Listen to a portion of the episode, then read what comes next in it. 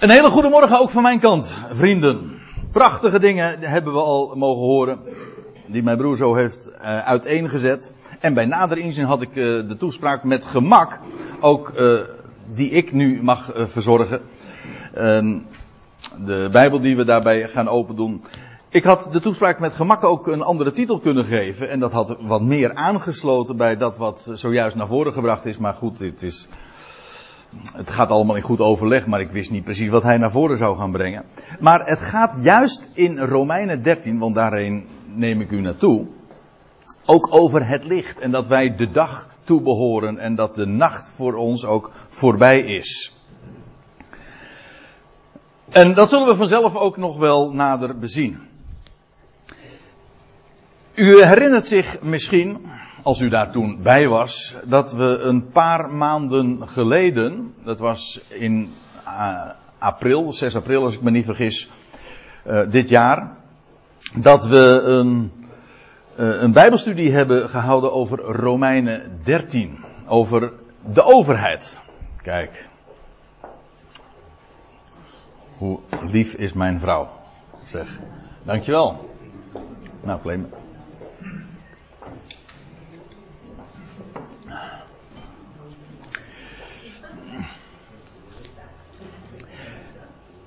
Toen hadden we het over Romeinen 13, nu dus weer, maar toen hadden we het over het eerste gedeelte. En dat ging over de overheid boven ons, waar iedereen natuurlijk zo enorm veel kritiek over heeft. Maar Paulus slaat een heel andere toon aan. En dat is ook weer een toon die past bij genade en bij vreugde.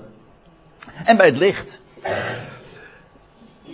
En in mijn Bijbeltje staat er in Romeinen 13 vers 8 en ik lees een NBG-vertaling, ik weet niet hoe dat in de Statenvertaling, dat heb ik niet nagekeken, en al die andere vertalingen die er inmiddels eh, zijn, want dat zijn er nogal wat. In Romeinen 13 vers 8 staat er in mijn Bijbeltje boven de, uh, de geboden. En dan begint er dus inderdaad een nieuwe pericoop. En dat, daar is niks mis mee. Voor de praktische indeling kan dat heel verhelderend zijn. Maar laat je niet in de luren leggen. Want het is uh, soms ook heel uh, een, een, verhindering om tot goed inzicht en tot een goed verstaan te komen. Per slotverrekening, Paulus heeft die, uh, die kopjes, die subtitels niet boven die pericopen geplaatst. Die hebben vertalers gemaakt. Dat geldt trouwens ook voor hoofdstukindeling en versindeling. Handig om iets op te zoeken, maar meer ook niet. Bij de uitleg, bij het verstaan van zo'n gedeelte, zou dat geen rol moeten spelen. En dat blijkt meteen ook bij die eerste zin. En misschien is het nog goed, goed om er even aan te herinneren dat de Romeinenbrief eigenlijk twee grote hoofddelen kent. En dat is Romeinen 1 tot en met vers, uh, hoofdstuk uh, 11. Dus de eerste elf hoofdstukken. En daarin zet Paulus uiteen het onderwijs dat hij van Gods wegen heeft ontvangen. Een hele fundamentele uiteenzetting over wat het evangelie, het goede bericht nu eigenlijk is. En dan in Romeinen 12 laat hij zien, vanaf het eerste vers, en dat is nou weer het gemak van zo'n hoofdstukindeling, eh, dan begint hij een heel nieuw gedeelte en dat is de, de leefwijze die daaruit logischerwijs voortvloeit. Ik zeg het expres ook even zo, want hij noemt dat in Romeinen 12 vers 2 ook onze logische eredienst. Um, in de andere vertalingen staat daar uw redelijke eredienst, maar het is eigenlijk de logische eredienst. Dat wat daar logischerwijs uit volgt. Een, een goed bericht kennen, een boodschap van Gods genade mag dan ook vervolgens een uitdrukking krijgen in een leven dat gevuld is van zijn genade en de eer die hij uh, verdient en die hij waardig is. Als ik het zo zeg, sluit het mooi aan bij dit, deze eerste zin, bij dat eerste zinsdeel van Romeinen 13 vers 8. Want daar staat, zijt niemand iets schuldigs. En, uh, iets schuldig, pardon. Want als je dat zo leest, dan begrijp je, en je begint hier, dan begrijp je niet goed waarom hij dit zo zegt. Want feitelijk moet je dan het voorgaande ook gelezen hebben. Kijk, dit is ons, uh, ons Bijbeltje, tenminste dit is dan de MBG-vertaling. En dan het eerste gedeelte, dat gaat dan over eerst de overheid. En dan staat er vervolgens het tweede kopje geboden.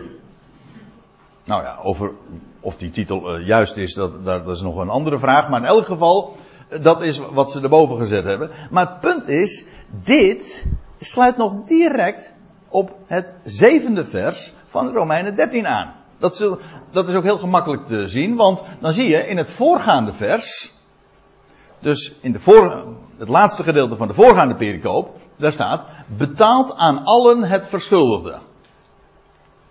Dat wil zeggen, geef aan ieder dat wat hem of haar toekomt. Betaalt aan allen dat wat verschuldigd is. Nou ja, en dan werd er, en dat was eigenlijk al toegelicht in dat eerste gedeelte, belasting aan wie belasting, tol aan wie tol, ontzag aan wie ontzag en eerbetoon aan wie eer toekomt. Kortom, ieder gegeven dat wat hem of haar toekomt. De overheid hier in het bijzonder en de instanties die boven ons geplaatst zijn, geef hen gewoon wat hen toekomt.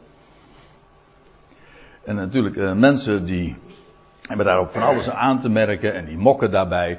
En Paulus doet daar helemaal niet moeilijk over. Geef ze gewoon nou maar wat, wat, zij, wat uh, zij verdienen. Ook van Gods wegen trouwens, want, maar daar hebben we het toen ook over gehad in april. God heeft die instellingen, die instanties zo daar geplaatst. Hoe ze ook zijn, dat is niet onze verantwoordelijkheid. Onze, als onderdanen hebben we één verantwoordelijkheid. En dat is onderdanig te zijn. Dat wil zeggen, onderdanig te mogen zijn. Wij hoeven ons helemaal niet in te laten en te bemoeien of zij dat goed doen. Dat is onze zaak niet. Je mag dat dus gewoon overgeven. Het is een heerlijkheid. Als je zo'n houding mag aannemen en dat allemaal mag overgeven en overlaten aan Hem die boven ons staat, maar ook aan hen die Hij boven ons geplaatst heeft. Dus dat is ook alweer een hele zorg minder. Betaalt aan allen het verschuldigde. Ja, dat is, sluit dus direct aan. In eh, Spreuken 22, daar lees je dit. De man die leent is een knecht van de uitlener.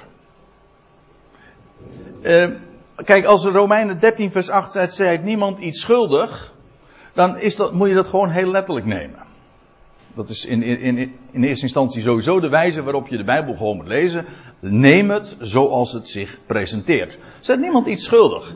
Ga geen uh, leningen aan, want je verspeelt je vrijheid. Soms ontkom je er niet aan, dat weet ik. En, je hebt, en als je een huis koopt, dan moet je een hypotheek nemen, et cetera. Maar er zijn zoveel mensen die helemaal ondergaan in de schuld. Echt ten ondergaan. En dan, dan kom je uiteindelijk bij de, bij de schuldsanering uh, of zulke instanties terecht. Nou, dat is niet leuk. Want je wordt een slaaf. Precies zoals Spreuken dat ook zegt. Degene die leent, dat is een knecht van de uitlener. Je verspilt je vrijheid. En daarom het is ook zo. In economisch opzicht. Of dat nou geldt voor een, een, bedrijf of gewoon voor een huishouden. Zijt niemand iets schuldig. Dat wil zeggen, zorg ervoor dat je vrij blijft.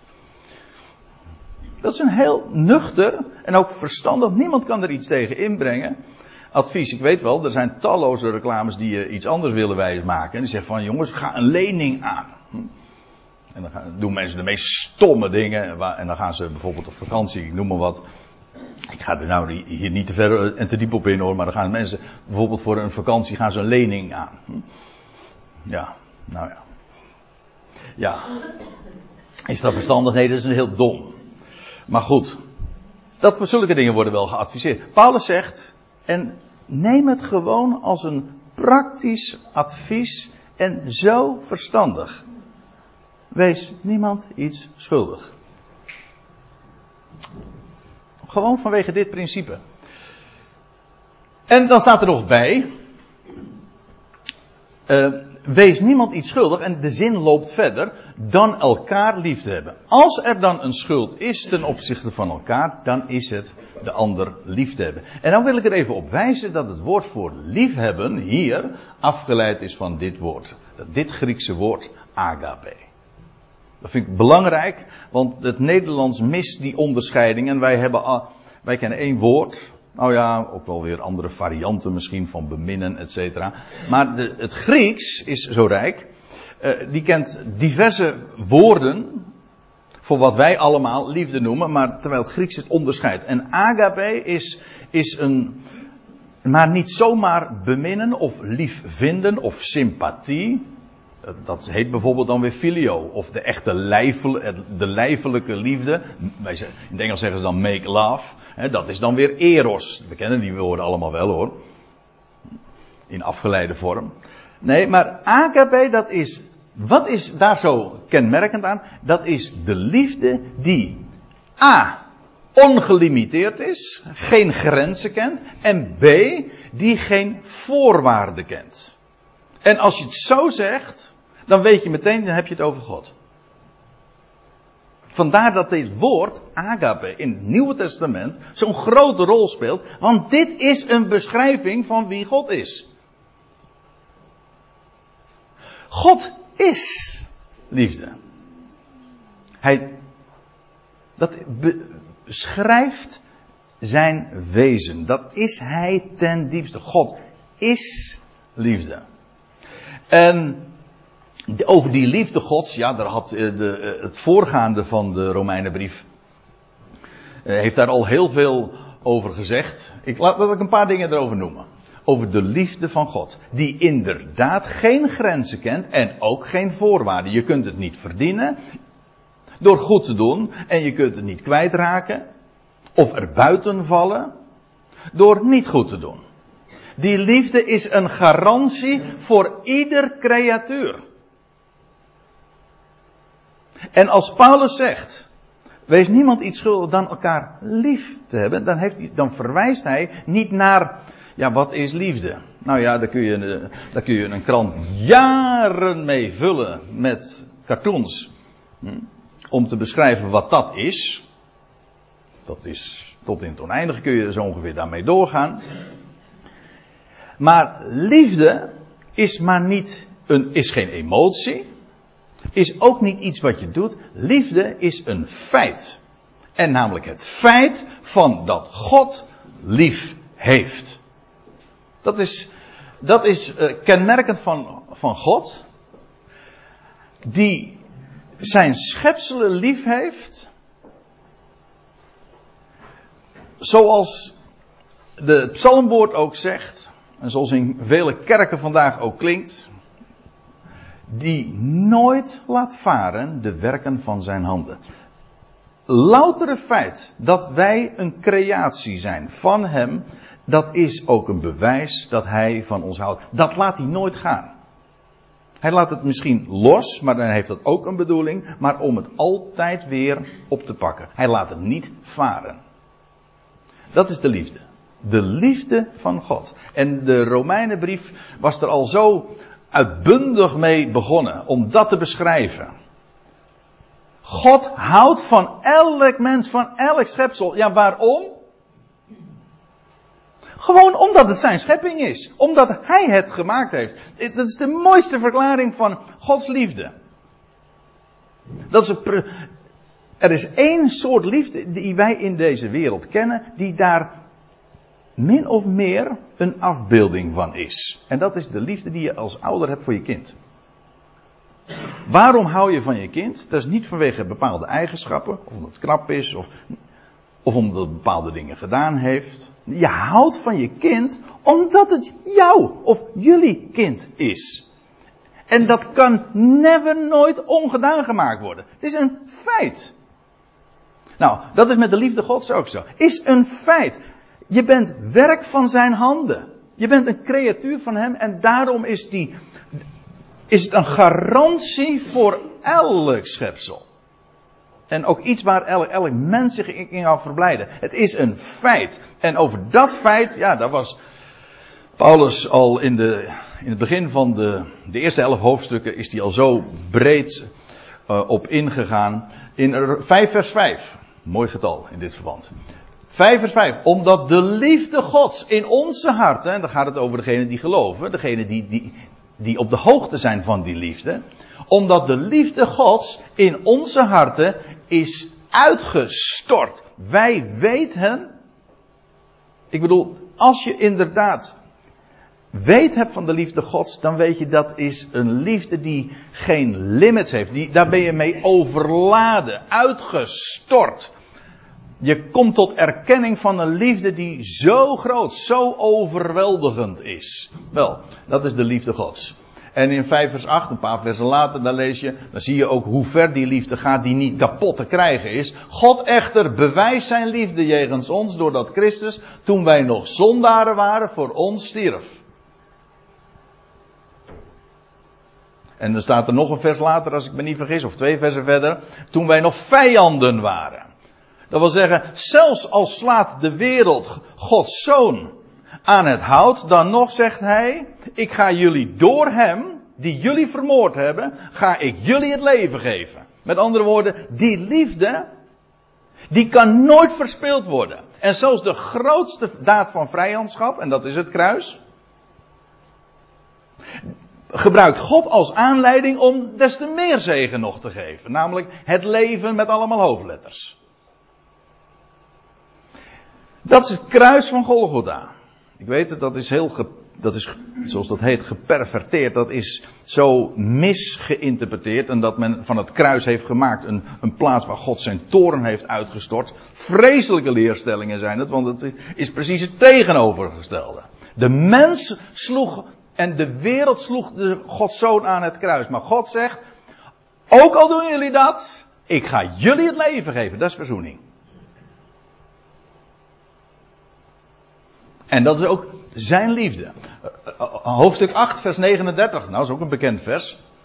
Nou ja, wat heet bekend, maar in ieder geval wordt vaak geciteerd.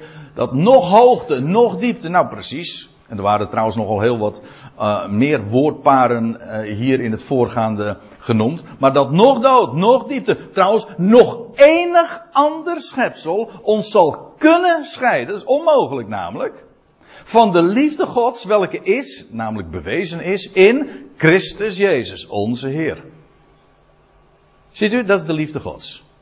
En als Paulus dan vervolgens in Romeinen 13 weer zegt, en weer spreekt over liefde, dan moet je dat in gedachten houden. Over welke liefde hebben we het dan? Over agape. Over de liefde Gods. En dat we elkaar, en wie dan ook, in, met die bril mogen zien. De liefde Gods is een feit. We kijken naar de ander als een schepsel van Hem een schepsel, een creatuur, een werk van zijn handen dat hij nooit laat varen. Ziet u, dat is onvoorwaardelijk. Je kunt de ander lief hebben. Kijk, als dat allemaal gebaseerd is op, op houden van, op lief vinden. Er is niets. Kijk, sommige mensen vind je lief en andere mensen vind je niet lief. Dat is nu een keer zo. De ene vind je sympathiek en de andere vind je niet sympathiek. Bepaalde mensen sluiten aan op jouw karaktereigenschappen en andere niet. En aan wie dat ligt, dat doet even helemaal niks te zaken. Maar ik bedoel, dit zijn hele natuurlijke gevoelens. Maar dat is niet wat liefde is. Oh, deze liefde. Deze liefde heeft te maken met het feit dat God van zijn schepping houdt. En dat je zo in het licht van dat feit naar de ander ziet. Dus zonder voorwaarden en ook zonder grenzen. En dat is zoals we naar de ander ons mogen opstellen en zoals we de ander mogen zien in het licht van dat feit. Wees niemand iets schuldig dan elkaar lief te hebben, want wie de ander, trouwens dat is leuk, maar daarom laat ik u ook iedere keer uh, een interlineair zien. En dan zie je ook, uh, in het Grieks staat hier het woordje heteros. Dat heeft te maken met uh, iets andersoortig. Maar niet, eh, de ander betekent maar niet zomaar uh, iemand die hetzelfde is als jij, maar een ander. Nee, ook de andersoortige. Wie die ook is. Want het kent geen grenzen. Ook degene die totaal anders is dan jij. Want wie de andersoortige. Zo zeg je het niet in het Nederlands, maar goed. Als we zo de schrift open doen en ik laat u een interlineair zien, dan kan ik u er wel op wijzen. Ook de andersoortige kun je lief hebben. Want wie de ander lief heeft, staat er, eh, heeft de wet vervuld. En nou ga ik u eh, op nog iets wijzen. Er staat dat liefhebben, dat staat in de, Dat wordt in de interlineair weergegeven met zo'n verticaal streepje. Trouwens, blijkt ook wel, liefhebbende, dat is in de tegenwoordige tijd, onvoltooid. En u zegt van, joh, eh, dat je taaldocent bent, dat doe je dan maar door de week, maar niet eh, hier, want ik heb niet zoveel met taal. Ja, maar ik wil u er toch even op wijzen. Kijk, dit werkwoord staat in de onvoltooid tegenwoordige tijd. Maar dit tweede zinsdeel, dat staat in de voltooid tegenwoordige tijd. Dat ene is onvoltooid, het andere is voltooid.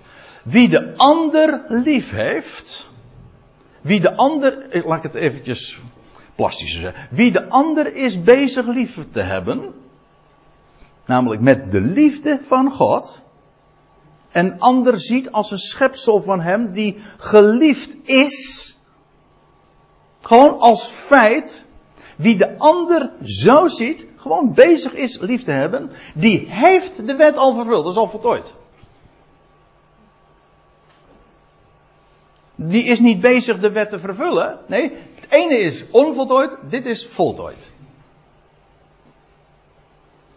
Dit onderstreept ook weer waar Paulus het al veel eerder in deze brief over gehad heeft. En dat is dat de gelovige niet onder de wet staat. Wij hebben een veel hoger, hogere norm. Namelijk, nou, wij leven niet onder de wet, maar, dat is Romeinen 6, maar onder de genade. Nou, dus dit ook. Wie de ander mag liefhebben en bezig is lief te hebben, want dat is een voorrecht. Als je de ander zo mag zien. Spaart je een heleboel ongein trouwens hoor. Want als je afgaat op het vlees en op, of op de hormonen, hm, of op sympathieën, ja, dat geeft altijd toestanden.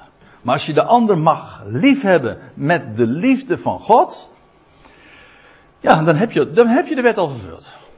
Zo, dat is voltooid. Ik ga verder, want de geboden, dat woord geboden staat hier eigenlijk helemaal niet eens. Uh, laten we eens eventjes uh, ze langs gaan. Trouwens, dat is niet wat ik nu zeg, maar Paulus zet het zelf even op een rijtje. Hij zegt, wie de, ander, wie de andersoortige lief heeft, is bezig, bezig is lief te hebben, die heeft de wet voltooid. Nou, hij zegt, ik zal het laten zien. Hij zegt, want, de, want het woord, uh, gij zult niet echt breken. Hm? Dat, dat wordt dan genoemd de tweede tafel van de, van de wet, van de tien geboden. Of dat correct is, dat is ook nog maar de vraag. Maar goed, gij zult niet echt breken. Of, dat wil zeggen, het verbond, het huwelijksverbond verbreken. Of je zult niet doodslaan. Of vermoorden. Of je zult niet stelen. Of je zult niet begeren. Ziet u trouwens, het staat hier gewoon iedere keer.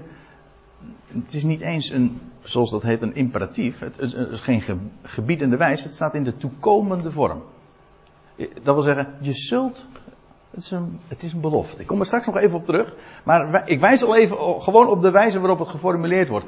Moet ik er nog even iets bij zeggen? Want dit wordt nog wel eens een keer geciteerd. Je zult niet begeren. Maar weet u dat het een onvolledig citaat is? Kijk het maar na in Exodus 20 of in Deuteronomium 5. Daar staat letterlijk, iedere keer, je zult niet begeren wat van uw naaste is. Als het er zo staat, dan wordt verondersteld, het gaat niet om begeerte in het algemeen. Ik weet het. We hebben natuurlijk een hele kerkhistorie van 20 eeuwen achter ons waarbij begeerte in het algemeen al als fout wordt aangemerkt. Of lichamelijke lust. Met, vooral als het gaat om seksualiteit. Maar daar gaat het niet om. Het gaat niet om begeerte aan zich, maar het gaat om iets begeren wat van uw naaste is. Nog zijn huis, hoe was het ook alweer?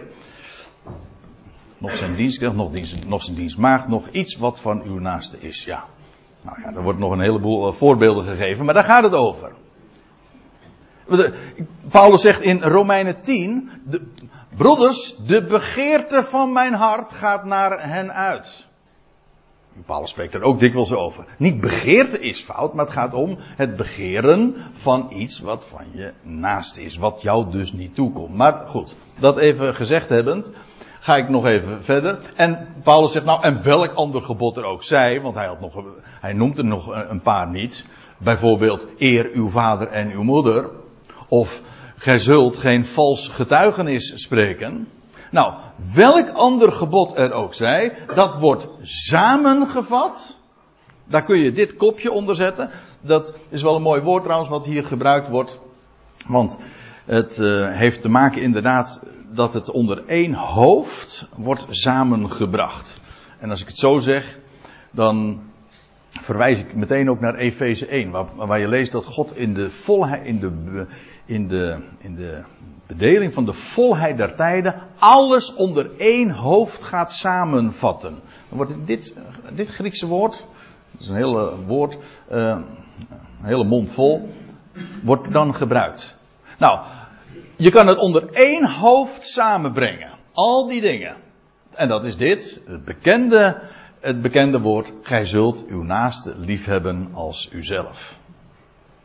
Ja, het idee daarbij is uiteraard dat als je de ander lief hebt, nou het minste is toch wel dat je die ander dan geen kwaad doet. Dat je in ieder geval niet de echt breekt, of uh, hem vermoordt, of iets van hem steelt, of iets van hem begeert, of een vals getuigenis tegen hem uitspreekt. Eén ding is zeker, als je de ander lief hebt, dan doe je de ander in ieder geval geen kwaad. Minimaal. En daarom zegt Paulus ook, wie de ander lief heeft, dat is nog wel even een andere koek, dan heb je de wet dus al vervuld. Dat is al voltooid. Dat, is, dat gaat nog kilometers verder. Het ene, dit is alleen nog maar feitelijk negatief. Niet stelen, niet vermoorden, etc. Maar de ander liefhebben, dat is de ander zien en behandelen. En vanuit het feit dat God de ander lief heeft. En zijn schepping lief heeft. Hoe dan ook, al die dingen die worden samengebracht, onder één hoofd gebracht. Gij zult uw naaste lief hebben als uzelf. En ik weet het, onder het oude verbond voor Israël was dit een wet, maar voor ons, die leven uit genade, is dit een belofte. En ik vind het altijd prachtig om dat te zeggen. En er zo aan te denken. Gij zult, als wij God kennen, mensen. Als je God kent en zijn liefde kent en beseft wie hij is, dan zul je je naaste lief hebben. Dit is een belofte. En kijk eens met die bril ook naar de wet. En trouwens heel veel passages. Ik vind altijd het mooiste voorbeeld, misschien mag ik het eventjes kort zeggen, vertellen. In Romeinen, nee in, uh, in de Petrusbrief, daar staat uh, in onze vertaling dan, wees heilig, want, dat, God dan zegt, wees heilig, want ik ben heilig. Nou, en mensen, eh, ik heb het, dat woord heb ik al heel vaak gehoord. Of ik heb er vaak over gelezen, predikaties over vernomen. En waarbij mensen vooral iets onder een last gelegd wordt. Mensen, denk erom, jullie moeten heilig zijn. Waarom? Want God is heilig. En ze komen onder een last. En ik zal je dit vertellen, hoe serieuzer je het oppakt, hoe gefrustreerder je wordt. Logischerwijs, want je zal namelijk altijd, juist omdat je het serieus oppakt, moeten vaststellen, ik voldoe hier niet aan. Er komt nooit een moment dat je zegt van, nou, jongens, ik heb nu helemaal voor elkaar, ik heb nu door, door mijn best te doen en door, door uh, nou ja, welke vrome handeling je ook maar, of gedachte je ook maar kunt bedenken. Ik, ben, ik heb nu het punt bereikt. En op het moment dat je het bereikt hebt, dan ben je alweer ervan afge... Juist. Ziet u? Maar dat staat er ook niet. Er staat niet weest. Er staat gij zult. Je zult heilig zijn. Want ik ben heilig. God geeft dat als een belofte. En voor wie is dat? Voor degene die gelooft. Dat wil zeggen, een belofte. Kijk, als, eh, als het een, een gebod is, jij moet dat doen, dan moet, je, dan moet je in actie komen. Als het een belofte is, dan kun je er maar één ding mee doen. En dat is, zo is het. En dat maakt blij. Want als God dat zegt, belooft, je zult je naaste lief hebben. Dan, dan valt daar dus niks te doen of te, op te volgen. Dan is dat een belofte waarvan je waarbij je God op je blote knietjes kunt danken. Dank u wel dat u bij machten bent dat en te volbrengen, maar het ook zult doen. Kijk, dat is geloof. Het ene, het ene is wet, het andere is genade. Oké. De liefde doet de naaste geen kwaad. Nou, dat is toch wel het minste inderdaad wat je kunt zeggen, maar de liefde gaat nog veel verder. Daarom, zegt Paulus, is de liefde de vervulling. De vervulling der wet. En zelfs de overvloed. De het is niet alleen maar, het maakt het vol, het doet het zelfs overvloeien, overstromen. Ik ga verder, want ik moet bij vers 14 uitkomen. Uh, gij verstaat immers de tijd wel. Eigenlijk staat er, ik heb er geloof ik de vorige keer naar aanleiding van openbaring 1 ook al even op gewezen. Er staat hier een, een Grieks woord, dat is niet chronos, dat heeft te maken, chronologie, heeft met tijd, maar kairos, en dat is een specifieke tijd, een gelegenheid. Gij verstaat immers de gelegenheid wel, deze specifieke tijd, dat het thans voor u de uren is om uit de slaap te ontwaken. Ja, met andere woorden, de dag is nabij. En als ik het zo zeg, dan heb ik niks te veel gezegd, want dat is precies wat Paulus het volgende vers ook gaat zeggen. Wij weten, de dag gaat komen. Zoals eerder uh, is gezegd door mijn broer Dirk en erop gewezen heeft, het is nu najaar, maar we weten, de dag, het is een duistere seizoen ook dat nu weer voor de, boeg, de boeg staat. Jawel, maar wij weten, de dag komt. Oké, de wereld is een duisternis, die heeft er geen benul van. Je weet niet waar ze vandaan komen. Je weet niet dat God aan het begin staat. Je weet dus ook niet dat het allemaal weer naar hem toe gaat. Ja, en vandaar dus dat ze met recht in het duister tast. Maar wij zijn mensen met hoop. Wij ondergaan door zijn woord een enorme lichtkuur en een lichttherapie. Dat is wat zijn woord geeft. En de dag wordt aangekondigd. En waar, daarom heb ik trouwens dit plaatje ook van die kerk. De meeste mensen weten dat denk ik niet. Maar er staat niet voor niks een haantje. En u weet toch wat een haan doet? De nieuwe dag aankondigen. Dat kan erg irritant zijn natuurlijk. Hè? Maar eigenlijk, eigenlijk zegt een haan. Ontwaakt gij die slaapt en sta op uit de doden. Dus dat zijn woorden uit Efeze 5. Maar ze staan hier ook. Waarom? Het, een haan kondigt de nieuwe dag aan. De nacht is bijna ten einde en de dag die komt. En dus, omdat wij dat weten, en dat is wat Paulus hier zegt, ook dit is weer logica, aangezien wij weten, hè, wij verstaan de tijd. Wij weten hoe laat het is, met recht. Hè? Nou, hij zegt dat het nu dus ook de, de tijd is, de gelegenheid om uit de slaap te ontwaken. Ja, ik, ik, had al even dit geciteerd. Daarom heet het: Ontwaakt gij die slaapt en sta op uit de doden. U ziet slaap en dood en, en in de doodstoestand, dat is ongeveer hetzelfde. In de Bijbel is dat synoniem. Iemand die dood zegt, dan, zegt, dan zei Jezus bijvoorbeeld: Nee, hij slaapt. En hij zal opstaan. En Christus, de opgewekte, zal over u lichten. Ja. Want, zegt Paulus, het heil, de redding, is ons nu meer, dan bij, meer nabij dan toen wij tot het geloof kwamen. Of toen wij, ja, toen wij gelovig werden. Of woorden van gelijke strekking. Het heil, dat wil zeggen, dat is in het Grieks de redding. En dat is hier ook de verlossing van ons lichaam. Wij zijn inderdaad gered, maar, zegt Paulus in Romeinen 8, wij zijn gered in hopen. Dat wil zeggen in verwachting.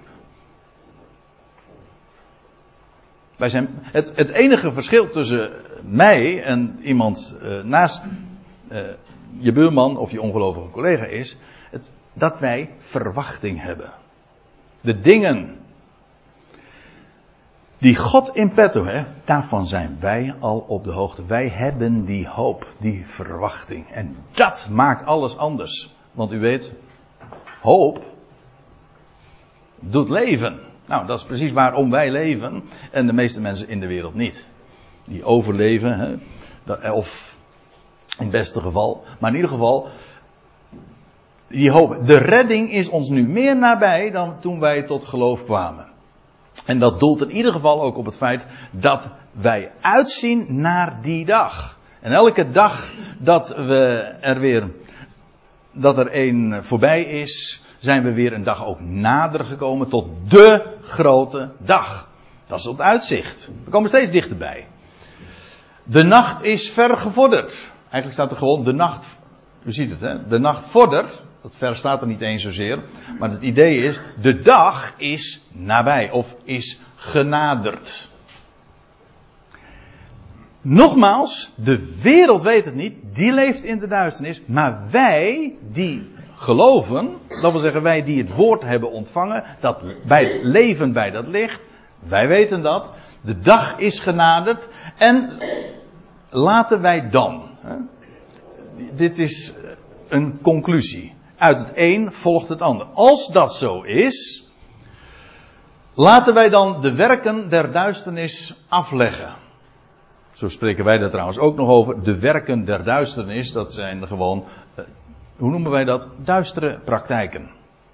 Dat is, dat is beeldspraak die wij ook kennen en dat vloeit daar ook uit voort. Wij kennen het licht, maar laten wij dan, aangezien dat zo is, de nacht is ver geworden, laten we opstaan, want de dag komt eraan. Wij horen bij de dag, bij het licht, en dus, wat doen wij? Wij trekken onze nachtkledij, kledij, onze pyjama om zo te zeggen, uit. En we doen onze kleden aan, die horen bij de dag. Want het idee van hiervan afleggen, ditzelfde woord, wat hier gebruikt wordt, dat wordt ook gebruikt in Handelingen 7, vers 58. Daar lees je over, over dat al die lui van het Sanhedrin hun mantels aflegden. Eh, hun mantels aflegden en bij, bij ene Saulus van Tarsus neerlegden. Trouwens, aankomende donderdag in Rijnsburg gaan we daar een bijbelstudie over houden. Over de voetsporen van Paulus. En dan gaan we daar beginnen. Maar in ieder geval over dat afleggen. Uh, het idee is, de dag komt, wij staan al op, wij horen namelijk bij die dag. En de nacht is voor ons voorbij. En dus de logica is, we trekken dus ook dat gewaad dat bij de nacht hoort. En dus daarmee de duistere praktijken, de werken der duisternis, die, die dat leggen we af als een kleed. Het is geen ethiek, het is gewoon logica. En vervolgens, uh, we doen aan de wapenen of de instrumenten. Dit woord wat hier gebruikt wordt, opla, is in het Grieks. Uh, dat heet, dat wordt elders vertaald met werktuigen of instrumenten. Het hoeft niet per se uh, wapens in de militaire zin te zijn. Per slotverrekening, ik ben hier vanmorgen ook gewapend terecht gekomen. Hè? gewapend met het woord. Hè, of je kan gewapend zijn met van allerlei instrumenten. Bewapend. Dus gewoon het instrumentarium, maar ook daarmee. Het staat tegenover het afleggen. Je doet het ene mantel af. Dat wat bij de nacht hoort. Je pyjama, om zo te zeggen. En je doet dat wat bij de dag hoort vervolgens aan. Hè, zodat je weer gewapend bent om de dag in te gaan. Dat zijn hier de wapenen van het licht. De het instrumentarium, de kledij van het licht. Licht tegenover duisternis. Dood tegenover leven. Want dat zijn allemaal synoniemen. Het een, werken der duisternis, dat hoort bij degene die de nacht toe behoren. Degene die de dag toe behoren, hoort een heel ander gewaad bij. Dit is logica. Het is beeldspraak, maar we begrijpen het zo. Als je bereid bent erover na te denken, dan zul je dat niet kunnen ontkennen. Ja, ik zou nog even willen wijzen op 1 Thessalonica 5. Kan dat nog? Ja, ik doe het nog even. Ik lees het alleen even voor. Daar is, daar is een soortgelijk taalgebruik. Daar zegt Paulus dit. Maar gij broeders zijt niet in de duisternis. Over de context daar ga ik even aan voorbij. Maar jullie zijn alle kinderen van het licht en kinderen van de dag. Wij behoren niet aan de nacht of de duisternis toe. Laten we dan ook niet slapen, zoals de anderen, maar wakker en nuchter zijn.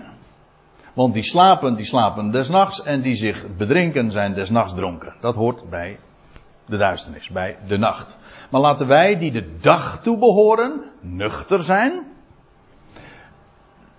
Toegerust met het harnas van geloof, want dat, kijk, dan heb je het nou over die kledij en het, de bewapens van het licht. Dat is het harnas van geloof, dat hoort bij de dag.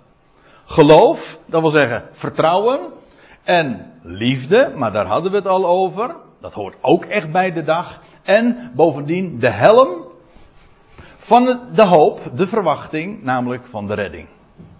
En dan heb je die mooie bekende trits weer van geloof, hoop en liefde. In, geloof, liefde en hoop in dit geval dan. Waar wij, bewapend zijn.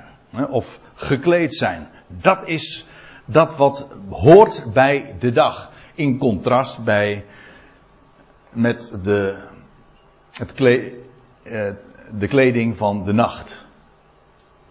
En dan lees ik nog even verder. Laten wij als bij lichte dag. Hm, dat wil zeggen wat het daglicht verdraagt. Ik zei al, dit is terminologie en ook beeldspraak die wij ook gebruiken. Hm, er zijn dingen die het daglicht niet velen, zeggen we dan. Nou, dat is de, de terminologie waar Paulus zich hier ook mee bedient. Laten wij als bij lichte dag uh, eerbaar wandelen. Achtenswaardig. Dat wil zeggen, een wandel hebben die hoort bij de dag. Niet in brasserijen en drinkgelagen. Dus het is heel grappig dat Paulus hier drie woordparen noemt. Hij spreekt over eerbaar wandelen en dan staat dat in contrast met het licht, de dag, en dat waren dus die duistere praktijken. En dan noemt hij drie woordparen die elkaar verklaren. Brasserijen, of uh, misschien wat beter of wild, uh, wat letterlijker weergegeven, wild uitgelaten feesten. Kijk, degene die, die het woord kent, dat, zegt, uh, is een mooi woord, ik haal het heel vaak aan. Spreuken 15 vers 15, makkelijk te onthouden. Voor de blijmoedigen, ik haal het heel vaak aan, dus voor mij is het uh, inmiddels, uh, het zijn woorden die ik me heel graag in de mond. Voor de blijmoedigen is het elke dag feest. Ja, als je de dag toebehoort, je kent God, je kent de schepper, je kent de hoop. Ja, wat let je dan om elke dag inderdaad in vreugde en in hoop en in feest te leven. Hier gaat het natuurlijk niet over echt feest. Dat is vaak meer verdoving. Juist omdat je, mensen het leven niet aankunnen, verliezen ze zich in dat soort toestanden. Dat is vaak, dat is niet echt feest. Ze verdoven zich. Dat blijkt trouwens ook wel uit het uh, vervolg en drinkgelagen. Hè? Eigenlijk staat er uh, gewoon het woord voor dronkenschap in meervoud. Dronkenschappen. Wat mensen er doen, dat is uh, zich benevelen. Want dat is wat dronkenschap toch is. Dat hoeft trouwens helemaal niet alleen drank te zijn. Dat kan ook allerlei andere troep zijn. Die gewoon dat wat de nuchterheid, wat de zinnen benevelt.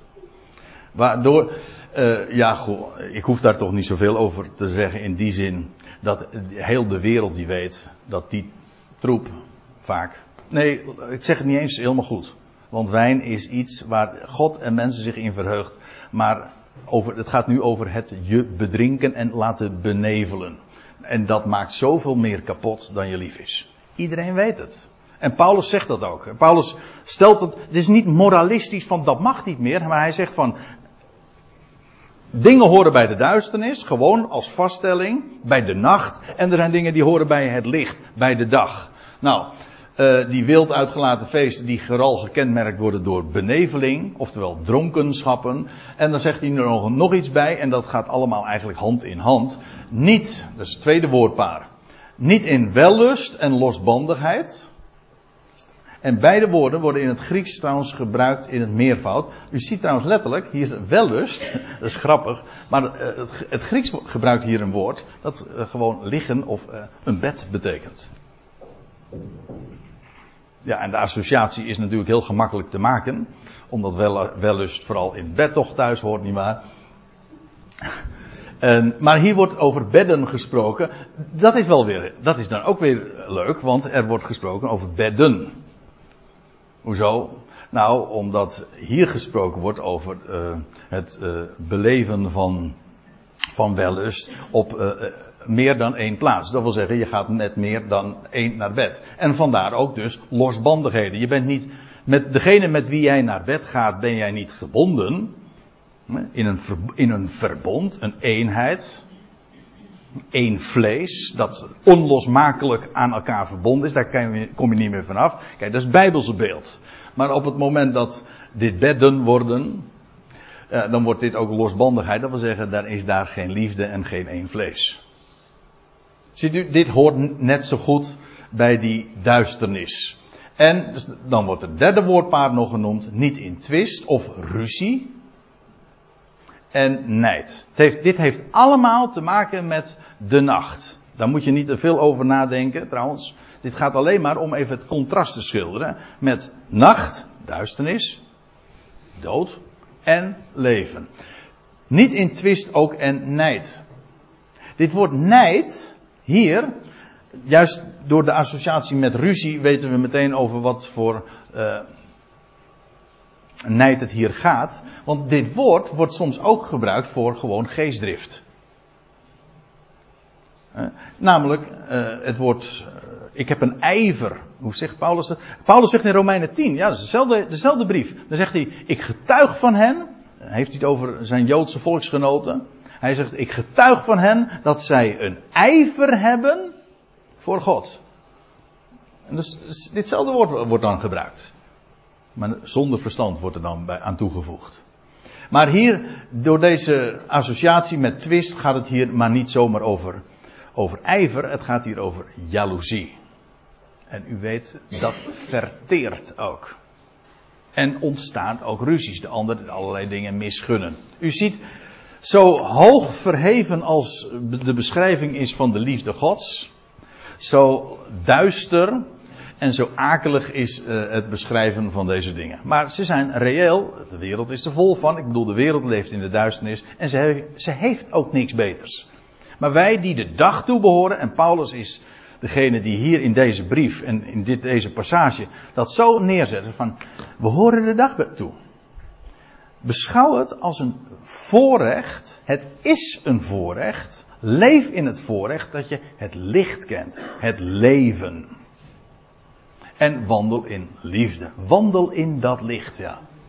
En zegt hij, eh, dat is het laatste, maar doet de, dat is het laatste vers in eh, Romeinen 13, maar doet de Heer Jezus Christus aan. Dat is een eigen merkwaardige zin. Want de volle term, de volle titel wordt hier gegeven. Zijn naam is Jezus. En hij is de Heer, de Curios, van allen. En bovendien, hij is Christus, de gezalfde. De titel die vooral te maken heeft met het feit dat hij opgestaan is uit de doden. Doet hem aan als een kleed. Als kleding van de nieuwe dag. Dus taalgebruik die we ook in de andere brieven, Efeze, Colossense tegenkomen, doet de nieuwe mens aan. Leg de oude mens als een mantel, als een oud vies kleed gewoon af en doe dat nieuwe feest. De nieuwe feestkleding, de kleding die hoort bij het licht en bij de dag. Trek dat aan. Dat, dat past je. Toch? Dit is dus het kleed van de opstandingsdag, de Heer Jezus Christus. En staat er dan nog bij, dat is het contrast. Wie dat doet, wijt geen zorg aan het vlees. Die heeft daar helemaal geen zorg meer aan. Namelijk, maak geen voorzieningen, geef daar geen voedingen, geef daar geen voeding aan. Ook hier moet ik er wel iets bij zeggen. Kijk, Paulus zegt in Efeze 5 dat Niemand die haat ooit zijn eigen vlees. Dus dat, wat doe je er wel mee? Je voedt het, je koestert het, je kleedt het. Kortom, je bent daar goed voor. Dat is gewoon een natuurgegeven. Zo hoort dat ook. Niemand haat ooit zijn eigen vlees. En dat staat dan nog in het verband van het huwelijk, maar goed. Dat is een gegeven. Maar hier gaat het over, wijd geen zorg aan het vlees. Een, een bepaalde voorzieningen treffen voor het vlees, waardoor begeerten worden opgewekt. En ook hier weer, letterlijk staat er tot in begeerte. Dat wil zeggen, het gaat hier niet over begeerte in het algemeen, maar over misleidende begeerte. Die uitdrukking vinden we hier in Efeze 4. Die begeerte. Dus Geef geen voeding aan, want dat is dat. Geen, geef geen voorzieningen. Tref geen voorzieningen voor het vlees, zodat dat wordt opgewekt. En het idee is dit. Het is eigenlijk gewoon logica. Doet hem aan en als consequentie wijdt geen zorg aan het vlees zodat die misleidende begeerten worden opgewekt. Dat waar in de voorgaande versen over gesproken was. Het een is onlosmakelijk verbonden aan het ander. Ik wil op nog een eh, andere passage wijzen. Dit is namelijk een automatisme. Als je het een doet, doe je het ander niet. Als je de Heer Jezus Christus aandoet als een kleed. Ik zal. De woorden die we in Colossense 3 vinden. Sluiten daar zo prachtig op aan. Er staat: Bedenk de dingen die boven zijn. Waar Christus is. En hoe doe je dat? Dat is niet door, te, door, door, in een boek, door in een hoekje te gaan zitten en te gaan fantaseren van, hoe zou het erboven zijn? Nee, dat is gewoon de schrift. Dat is het woord. Licht. Daarmee bezig te zijn. Je laten verlichten. Bedenken. Telkens weer overwegen. En, en dan ook het effect van dat licht te ondergaan. Want u weet, het licht in de ogen, daarvan ga je stralen. En dat maakt blij. Als je overweegt de hoop die we hebben, de God die we kennen, de Christus die opstond uit de doden. Kortom, alles wat Hij ons geeft, dat maakt blij. Wel, als je dat bedenkt, dan staat er vervolgens in Colossense 3 vers 4. Ja, in, helaas in de vertalingen wordt er gezegd van dood de leden die op de aarde zijn. En dan wordt er gesproken over hoererij. Maar er staat er niet dood, er staat versterf. Doe versterven. Het ene is namelijk onlosmakelijk verbonden met het ander. Geef voeding aan het een, geef aandacht aan het een. En het ander zal gewoon als vanzelf, automatisch, daar, hoef je helemaal niks voor te doen. Als je, in het, als je in het water springt, word je nat. Daar hoef je niet te zeggen, goh, ik, ik, spring nu in het water en dan moet ik er vervolgens voor zorgen om nat te worden. Nee, als je in het water springt, word je nat. Als je hem aandoet, dan zul je geen zorg meer hebben voor het vlees waardoor allerlei misleidende begeerten worden opgewekt. Dat is dan niet meer aan de orde. Dat is, dat is dat geweldige automatisme. Dus die hoop, dat licht, dat woord, die liefde gods, kortom, dat wat bij de dag hoort, daar houden we ons mee bezig en de duisternis verdrijft. Of nog anders gezegd, en daarmee wil ik het, wil ik het voor vanmorgen laten. Doe het licht aan en de duisternis wordt verdreven als vanzelf. En dat is het leven dat wij kennen. En ik stel voor dat we daar een lied over zingen. Dat wat aangepast is. Dat doe ik uh, wel eens vaker. Zoals u wellicht gemerkt hebt vanmorgen ook al. Uh, ik wandel in het licht, let op, van Christus. Ik heb het expres aangepast. Uh, je hebt er geen moeite mee, Tom, dat we het zo zingen? Nou, in de begeleiding maakt het geen verschil. Maar ik wandel in, waarom heb ik het zo gedaan? Ik wandel in het licht van Christus. Niet alleen maar met Jezus. Het, de Christus is de opgestane en in dat licht mogen wij wandelen. En dat donkere dal ligt achter wij, et cetera.